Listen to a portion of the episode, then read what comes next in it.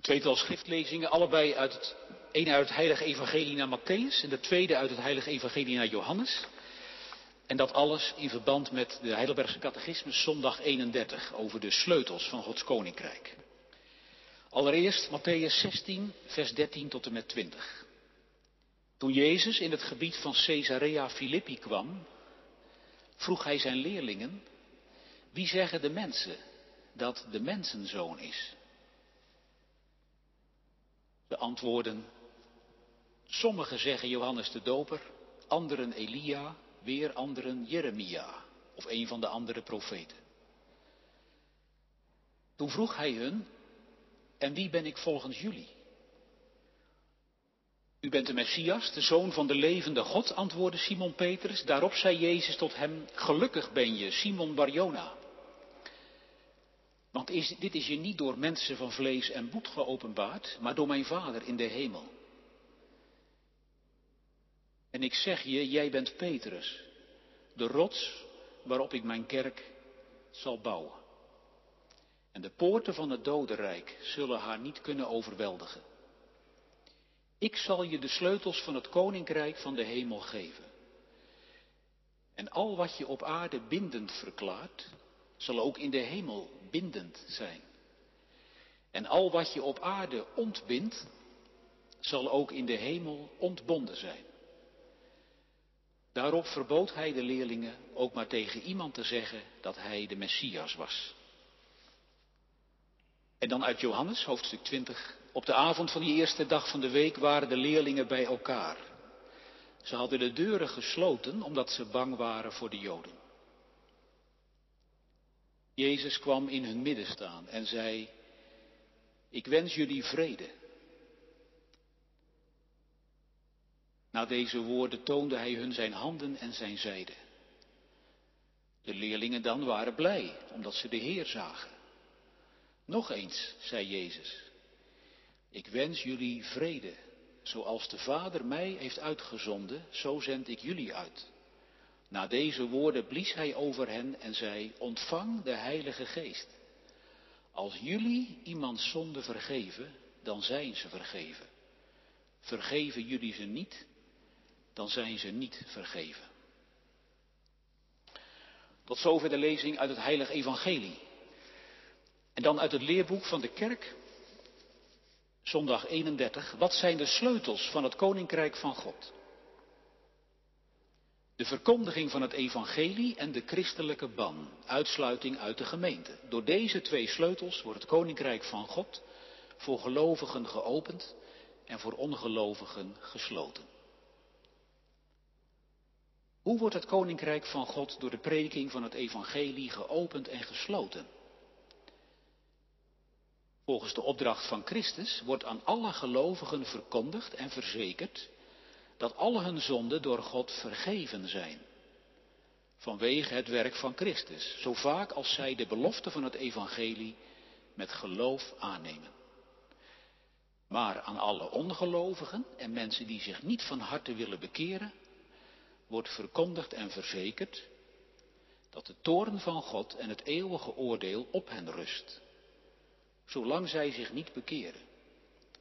God zal hen in dit leven en in het toekomstige leven oordelen, op grond van de beloften en waarschuwingen van het Evangelie. Hoe wordt het koninkrijk van God gesloten en geopend door de ban? Volgens de opdracht van Christus moeten christenen die een onchristelijke leer of dwaling uitdragen, onchristelijk leven of schande veroorzaken, verschillende keren liefdevol gewaarschuwd worden. Als zij niet willen luisteren, dan moet dit verteld worden tegen de gemeente of tegen de mensen die hiervoor zijn aangesteld binnen de gemeente. Als die mensen nog steeds niet willen luisteren naar de waarschuwingen, dan moet hen de toegang tot de sacramenten ontzegd worden. Op deze wijze worden zij buiten de gemeente en door God zelf buiten het koninkrijk geplaatst. Wanneer zij tot inkeer komen, worden zij weer opnieuw aangenomen tot leden van Christus en zijn gemeente. Tot zover de lezing uit het leerboek. Gemeente van onze Heer Jezus Christus, ik zie een poort wijd openstaan waardoor het licht komt stromen. Van het kruis waar ik vrijelijk heen mag gaan om vrede te bekomen. Genade Gods, zo rijk en vrij, die poort staat open ook voor mij. U kent dit lied vast wel, het wordt graag gezongen. Je zingt over je vertrouwen op God.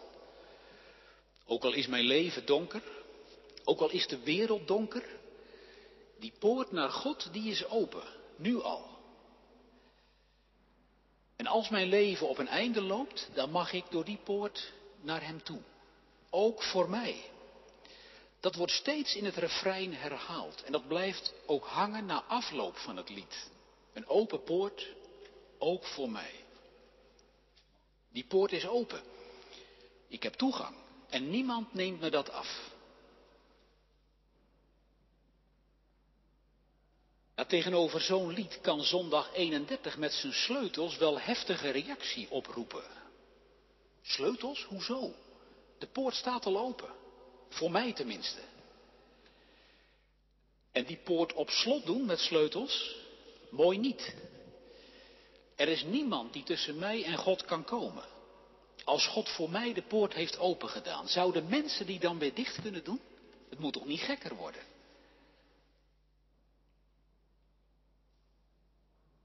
Deze coronatijd, waarin je merkt dat overal de lontjes korter worden en je zomaar ruzie hebt, omdat we allemaal wat korter achter de wagen staan, komt zo'n zondag als zondag 31 eigenlijk niet zo erg gelegen. Hier zit je niet op te wachten. Want naast ergernis flitst er misschien ook nog door u heen, ja maar dit is gevaarlijk. Je moet dus doen wat de kerk zegt, anders gaat de poort dicht. De kerk als machtsinstituut, daar moeten we toch niet aan meedoen. Nou, als u die bedenking hebt, dan hebt u groot gelijk. En dan heeft u ook het gelijk van de geschiedenis aan uw kant. Want op dit punt is het zeker misgegaan. De Heidelberg Catechismus is geschreven in de periode waarin de kerk een machtsinstituut was. Dus aan die identiteit van de kerk, een machtsinstituut, ja, daar moeten we niet aan meebouwen. Oh, maar dan zijn we er toch uit. Als het in het verleden met die sleutels is misgegaan en als het daarbij ook niet meer van deze tijd is, dan slaat de balans toch heel duidelijk door naar één kant. Weg met die sleutels. Ja. Alleen het lastige is, die sleutels zijn niet een uitvinding van de kerk. De paus heeft dit niet bedacht. En ook niet een paar machtsbeluste dominees of ouderlingen. Jezus zelf is erover begonnen. En hij heeft niet alleen het idee gelanceerd, het zou goed zijn als. Hij heeft die sleutels ook daadwerkelijk gegeven aan iemand. Petrus allereerst. En later aan de hele groep apostelen. Ze komen bij onze heiland vandaan, die sleutels. Diezelfde Jezus die voor ons gekruisigd is en opgestaan, diezelfde Jezus die de poort heeft geopend, van die Jezus komen de sleutels. Jezus zegt dus niet dat de poort altijd open staat. Jezus heeft het over sleutels die de poort kunnen openen of sluiten.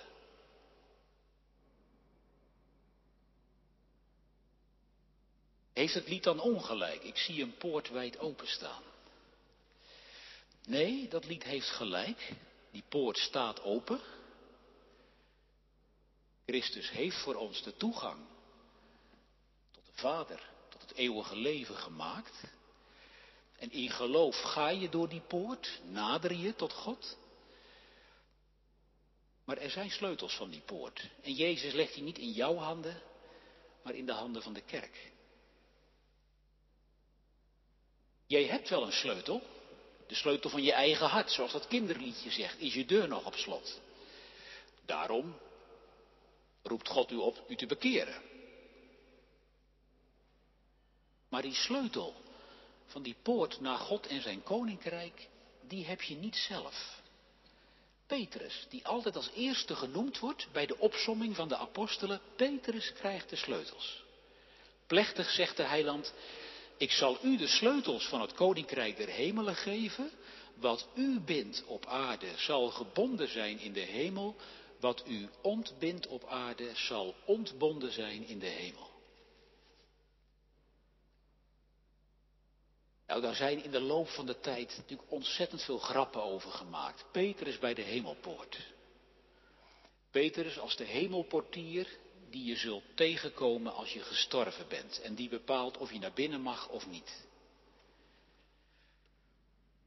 Maar als je die woorden van Christus aandachtig leest, dan begrijp je dat het nog iets anders zit.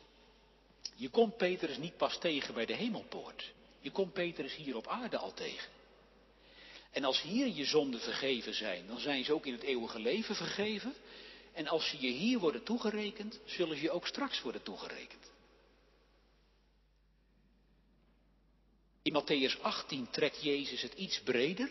Daar krijgt niet alleen Petrus, maar alle apostelen die bevoegdheid. Ambtsdragers, opvolgers van de apostelen zijn de sleuteldragers. De kerk, de christelijke gemeente, heeft de sleutels van het koninkrijk van God.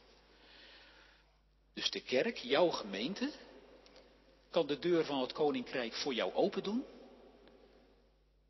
Maar de kerk kan die deur ook voor jou sluiten, voor je neus dicht doen. En ook al ben je het er niet mee eens, ook al spring je hoog of laag, dan is de deur dicht, zegt Jezus. Maar dit is toch te gek voor woorden. We weten toch allemaal hoe mensen zijn, ook ambtsdragers. Dit is toch veel te groot om in mensenhanden te leggen. Mijn predikant, mijn wijkouderling, mijn kerkraad zou over mijn zaligheid kunnen beslissen. Ja, ik zou er zelf ook heel beducht voor zijn geweest om het zo te regelen. Maar we kunnen er niet omheen dat Jezus dit zegt. En zoals met alle woorden van Jezus kun je er twee dingen mee doen. Je kunt er naar luisteren of je kunt ze verwerpen. Als je dat laatste doet, je verwerpt het, de woorden, dan redeneer je, kijk, of ik het eeuwige leven inga of niet, dat hangt van mijzelf af. Of ik geloof of niet. En ik zie die poort wijd openstaan en daar heeft verder niemand iets mee te maken. En dan heb je voor een deel gelijk, want zo staat het ook in het evangelie. Wie geloofd zal hebben en gedoopt zal zijn, die zal zalig worden. Het hangt inderdaad van jezelf af. Maar voor het tweede deel heb je geen gelijk. Je kunt er niet omheen dat Jezus hier de gemeenschap van de gelovigen naar voren schuift. Je gelooft niet in je eentje. Christenen vormen een gemeenschap. En de ambten in die gemeenschap dragen de sleutels. Dus je kerkelijke gemeente is dus meer dan een serviceinstituut dat jou ondersteunt bij het geloven.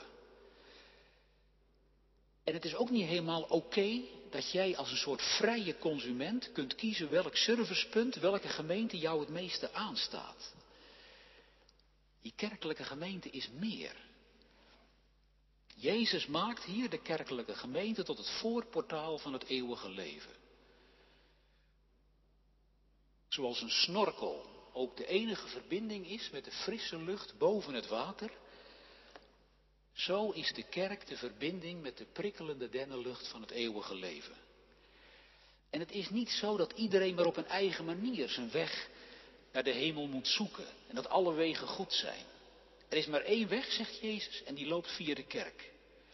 En als de kerk jou de toegang geeft, dan kun je zalig worden. Als de kerk jou de toegang ontzegt, dan kom je niet binnen. Buiten de kerk om kun je niet zalig worden.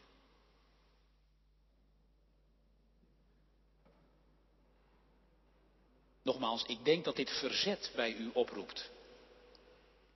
Tenzij u mijn woorden niet serieus neemt, maar daar ga ik vanuit dat u dat wel doet. Dat dit verzet oproept en ook wel vragen. Daar komen we zo nog op. Ik wil eerst nog een waarderende opmerking maken, dat die sleutels toch ook wel erg mooi zijn. Stel je voor dat je echt iets heel ergs hebt gedaan, een grote zonde. En je zit ermee. Je draagt het als een last met je mee. Je staat er s'morgens mee op en je gaat er s'avonds mee naar bed. En je denkt, nu is die poort dicht. En je topt erover en je praat erover met die of met die. Ja, en de mensen zijn natuurlijk heel welwillend en die zeggen allemaal op eigen gezag, joh, maar je moet er niet zo zwaar aan tillen. God vergeeft je echt wel. Hij heeft toch ook de moordenaar aan het kruis vergeven. Of ze zeggen, zullen we samen bidden om vergeving? Nou, dat is natuurlijk allemaal prachtig. Maar Jezus zegt dat de kerk dus de schuld van jouw schouders kan afnemen. Bij de kerkelijke dienaar beleid je je schuld, je spreekt je hart uit, je spreekt je berouw uit. En dan geeft die dienaar van de kerk je misschien nog een paar wijze opdrachten, wat je moet doen om de relatie met anderen die beschadigd zijn te herstellen, als dat nog kan. Of wat je moet doen om aan God werkelijk je berouw te tonen. En dan zegt die dienaar van de kerk tenslotte tegen jou, je zonden zijn je vergeven. Ga heen in vrede. En dan krijg je zelfs nog de zegen mee. En dat mag hij doen, die dienaar van de kerk, omdat Jezus hem die volmacht gegeven heeft. Hij draagt de sleutel die Jezus hem gegeven heeft. En zoals Jezus zelf in Galilea rondging en tegen de mensen kon zeggen, uw zonden zijn u vergeven, zo mag de dienaar van de kerk dat ook doen. Nou voel je dan wat een bevrijdende kracht zo'n sleutel heeft. Maar toch, maar toch, hoe mooi dat ook is, het zal, vermoed ik, niet opwegen tegen de bezwaren bij u. Ambtsdragers zijn gewoon zwakke, zondige mensen. Ze kunnen heel aardig zijn, maar ook dom en willekeurig. En soms zien ambtsdragers het gewoon niet goed, of zijn ze gauw op hun teentjes getrapt. Nou, als je zulke mensen de grote macht van sleutels geeft, dan gaan ze die toch verkeerd gebruiken. Daar hoef je geen groot psycholoog voor te zijn.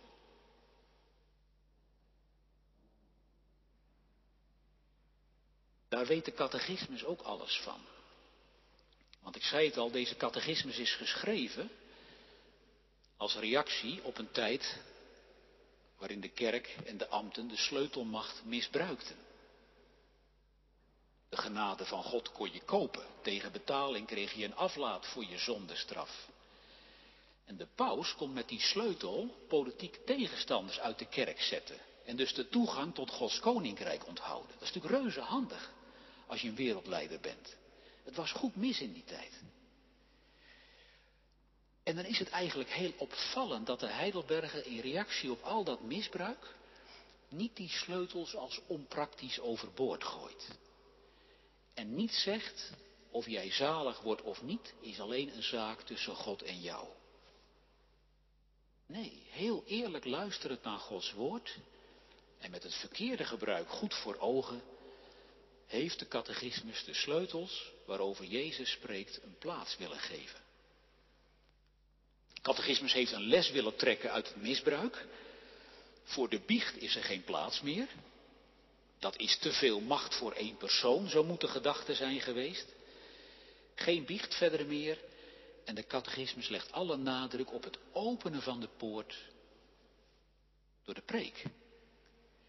In de prediking van het evangelie doet God het koninkrijk wagenwijd voor je open. Zodat het licht van Gods genade over jouw leven kan stromen. Jij als zondaar. Nu al, ook voor jou. Dit herkennen we uit onze protestantse kerkdiensten. Er wordt veel tijd ingeruimd voor de preek. Logisch. De preek is die sleutel om het koninkrijk te openen. En er wordt ook nergens zo goed gepreekt als in het protestantisme. De preek doet Gods koninkrijk voor jou open. De preek wil jou tot geloof wekken, zodat je gelooft. En zo doet Petrus, zo doet de ambtsdrager, zo doet de dominee de poort voor je open. En als je dan in geloof naar binnen gaat, ja, dan juichen de engelen. En dan is de vader verheugd. Daar ben je, mijn kind. Eindelijk, waar bleef je toch? Hoeveel preken waren er wel niet nodig? Hoeveel keer moest dat koninkrijk voor jou geopend worden voordat je eindelijk kwam? Is het nou echt zo moeilijk om je vertrouwen over te geven aan mij? En als je niet gelooft in Christus, dan zegt de Heidelberger, denk erom, dan sta je nog buiten het heil van God. Wou je dan zonder hem naar het laatste oordeel? geloof je dan niet dat je veroordeeld zult worden? Dat je voor God niet rechtvaardig bent en dan verwezen zult worden naar de hel en de buitenste duisternis? Voorbij het laatste licht waar het geween is en het tandengeknas? Dus die preek is een belangrijke sleutel. In de preek staat Christus aan de deur van je hart en klopt. Doe mij open, laat mij binnen. Daarom hoop ik dat u ook in deze coronatijd gewoon stug doorgaat met twee keer per zondag met de dienst mee te doen. Gewoon thuis ook meedoen met dat grote wat hier gebeurt. Luisteren, zingen en bidden. Dus de preek is de sleutel om de poort te openen. En daar is iets raars mee. Met die preek. Want we hebben ons aangeleerd in onze traditie om die sleutel te gaan beoordelen. Dat is natuurlijk heel raar, want daar is een sleutel niet voor. Een sleutel is niet gemaakt om die te bekijken en dan te zeggen of je hem mooi vindt of niet. Een sleutel moet je gebruiken. Het slot openen. Heel vaak wordt in de kerk de sleutel beoordeeld. En dan zeggen we, nou, het was een mooie preek.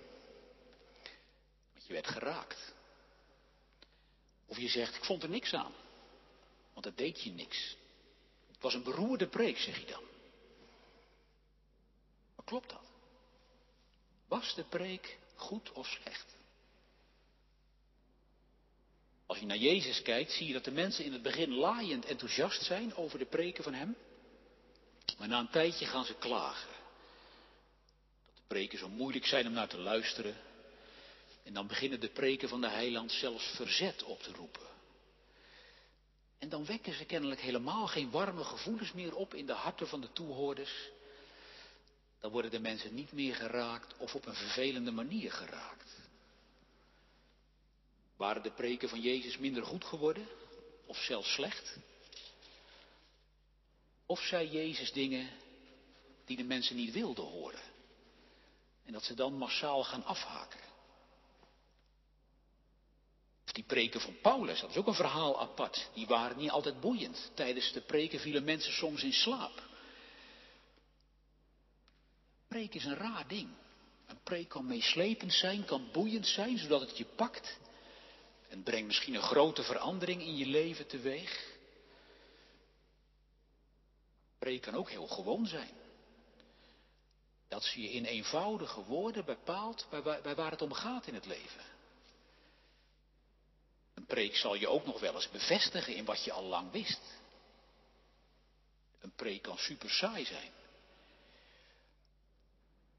Het is niet aan jou om te beslissen of een preek goed is of niet. Daar gaat God over. Het is zijn sleutel. Hij opent het koninkrijk voor je door de preek van die dienaar. En ook al zeg jij, het was een geweldige preek, ik voelde me zo geraakt, dan kan het zijn dat God daar heel andere gedachten over heeft. En dat God misschien zegt, nou, veel geschreeuw, maar weinig wol. En van die saaie, vermoeiende preek, die jou volstrekt niet raakte, zegt Jezus misschien geweldig. Wat was het nodig dat dat nou weer eens gezegd werd in mijn kerk? Spreken beoordelen, de sleutel waarmee het koninkrijk geopend wordt beoordelen, begin er niet aan. Als je dat doet, dan word je vooringenomen. Dan krijg je ook een duidelijk oordeel over de sleuteldragers. Die kan preken en die kan het niet. En als dan de dominee preekt die jou de laatste twee keer niet wist te raken, dan denk je, oh dat is hij weer. Hij kan er niks van. En dan gaat in de preek het koninkrijk open, maar jij hebt je hart al lang afgesloten. God kan niet door deze preek tot jou spreken. Maar de Heer van die dominee, God zelf, is misschien wel heel tevreden met die saaie dienaar. Maar jij sluit je op voorhand al af voor wat hij te zeggen heeft. Dat kan niet goed zijn. Dus probeer altijd aandachtig naar een preek te luisteren, ook al staat de inhoud je niet aan. Ook al vind je de preek te zwaar of te licht, te oppervlakkig of te diep. Dat de preek je niet aanstaat, kan een aanwijzing zijn dat je die preek juist heel hard nodig hebt. En zou het dan helemaal toevallig zijn dat God jou die preek laat horen? Juist bij een preek die verzet bij je oproept, innerlijk verzet, is God misschien wel bezig om tot je te spreken. Er moet iets veranderen in je leven, maar jij wil dat niet. Jij wilt alleen maar bevestigd worden, een aai over je bol krijgen. Een antwoord krijgen op die brandende vraag waar je mee zit. Maar dan zegt God, dit moet je horen.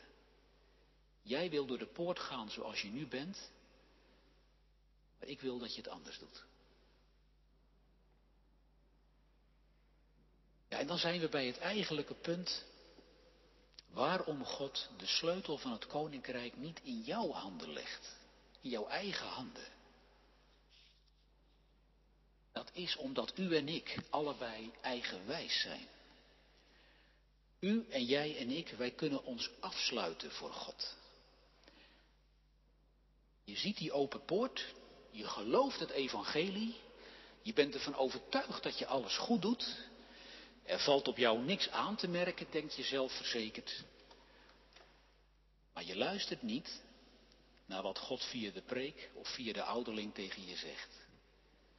Want volgens jou is je leven op orde en er is niks aan de hand. Jij ziet de poort openstaan, dus wat zit die dominee of die ouderling dan te zeuren? Maar dan zit jij er misschien helemaal naast. Want die dominee is Gods dienaar. Die doet het koninkrijk voor je open op een manier die God hem heeft geleerd. En jij bent misschien wel geweldig hardleers. Je bent eigenwijs en koppig. Je wilt ten diepste niet luisteren naar God, maar je eigen zin doen. Alleen heb je dat zelf niet door. Zo verhard ben je, of je wilt het niet zien. En dus sluit je je af voor wat de dienaar van de kerk tegen je zegt. Maar als jij je afsluit voor wat de dienaar zegt, dan kan God dus niet meer tot jou spreken. Dan kan God jou niet meer leiden door het leven. Hij kan je niet meer vormen zoals hij wil, want jij luistert niet naar zijn dienaar. Nou, in die situatie heeft God met het ambt van de sleutels een laatste redmiddel om je tot de orde te roepen. Je zou het een wanhoopsdaad van God kunnen noemen. Dan doet het ambt de poort voor jou dicht en draait die op slot. Dat is het uiterste middel waarmee God kan proberen tot jouw hart door te dringen. Dan sluit de kerk jou buiten het heilig avondmaal. Dat betekent, je mag de gemeenschap met Christus niet meer beoefenen. De poort is dicht. Wat u op aarde binden zult, zal gebonden zijn in de hemel, zegt Jezus.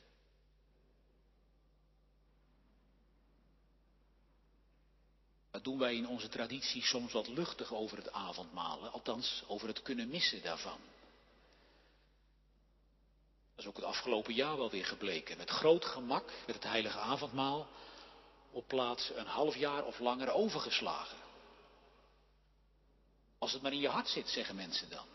En we kunnen toch naar de preek luisteren. Dat is er een beetje ingeslopen in onze traditie. De sacramenten laag inschatten. Je kindje moet gedoopt worden, maar er is corona. Dan kan de familie er niet bij zijn, dus je stelt de doop uit. Maar dat is toch ook een onderschatten van het sacrament. De doop is toch meer dan zomaar een ritueel. Is het nou belangrijker dat opa en oma erbij zijn? Of dat je kind gedoopt is? Nou, de catechisme stilt dus zwaar aan de sacramenten. De poort gaat voor jou dicht als je wordt buitengesloten van het sacrament. Dan deel je niet meer in die snorkel die verbinding geeft met God en het eeuwige leven. De tucht zet jou erbuiten. De tucht. Het woord komt van het oud-Nederlandse tijgen. Dat betekent trekken. Tucht is geen straf of zo. Het is een trekking. Je bent ongehoorzaam aan Christus, maar je wil dat zelf niet zien. Je bent super eigenwijs en luistert niet. Dan probeert de kerk jou terug te trekken naar de gehoorzaamheid aan Christus. Jezus, die zelf de sleutels gegeven heeft, die probeert jou met een uiterste redmiddel tot bezinning te brengen. En daarom wordt de poort voor jou gesloten. Wat u op aarde binden zult, zal gebonden zijn in de hemel.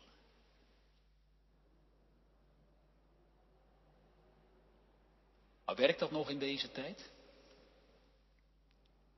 Als dit jou overkomt, dan ga je toch gewoon naar een andere gemeente toe. Ik geloof. En daar komt niemand tussen. Nou, dat zou je misschien hyperindividualistisch mogen noemen. En dat is in ieder geval niet zoals Jezus erover spreekt.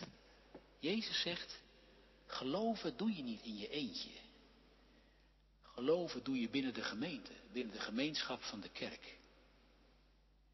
Ik heb in mijn kerk het ambt, de mogelijkheden gegeven om met de sleutel van het koninkrijk voor jou dicht te doen. Want als jij in je eentje gelooft, dan zijn er momenten waarop ik jou niet kan bereiken. Omdat jij zo eigenwijs bent en denkt dat je het geweldig doet. Daarom die sleutels.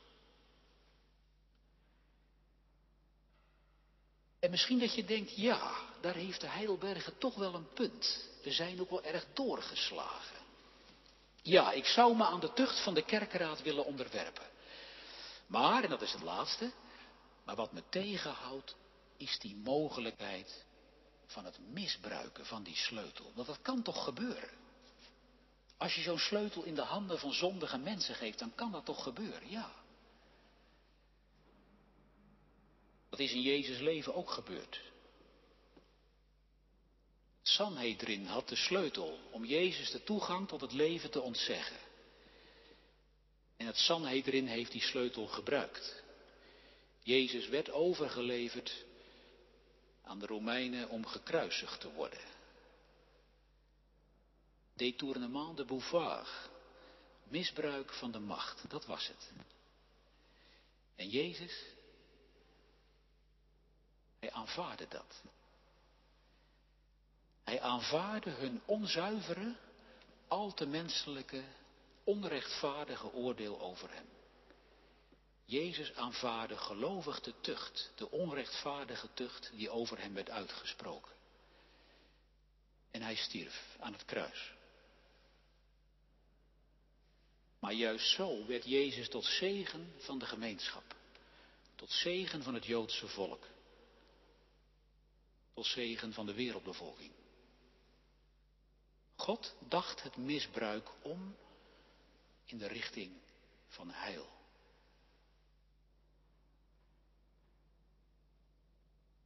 Zie een poort wijd openstaan. Zing dat lied gerust, want je zingt het vanuit liefde voor God. Maar die poort zien openstaan, dat doe je niet in je eentje. Dat doe je met elkaar. Die open poort, die zie je met elkaar in de kerk.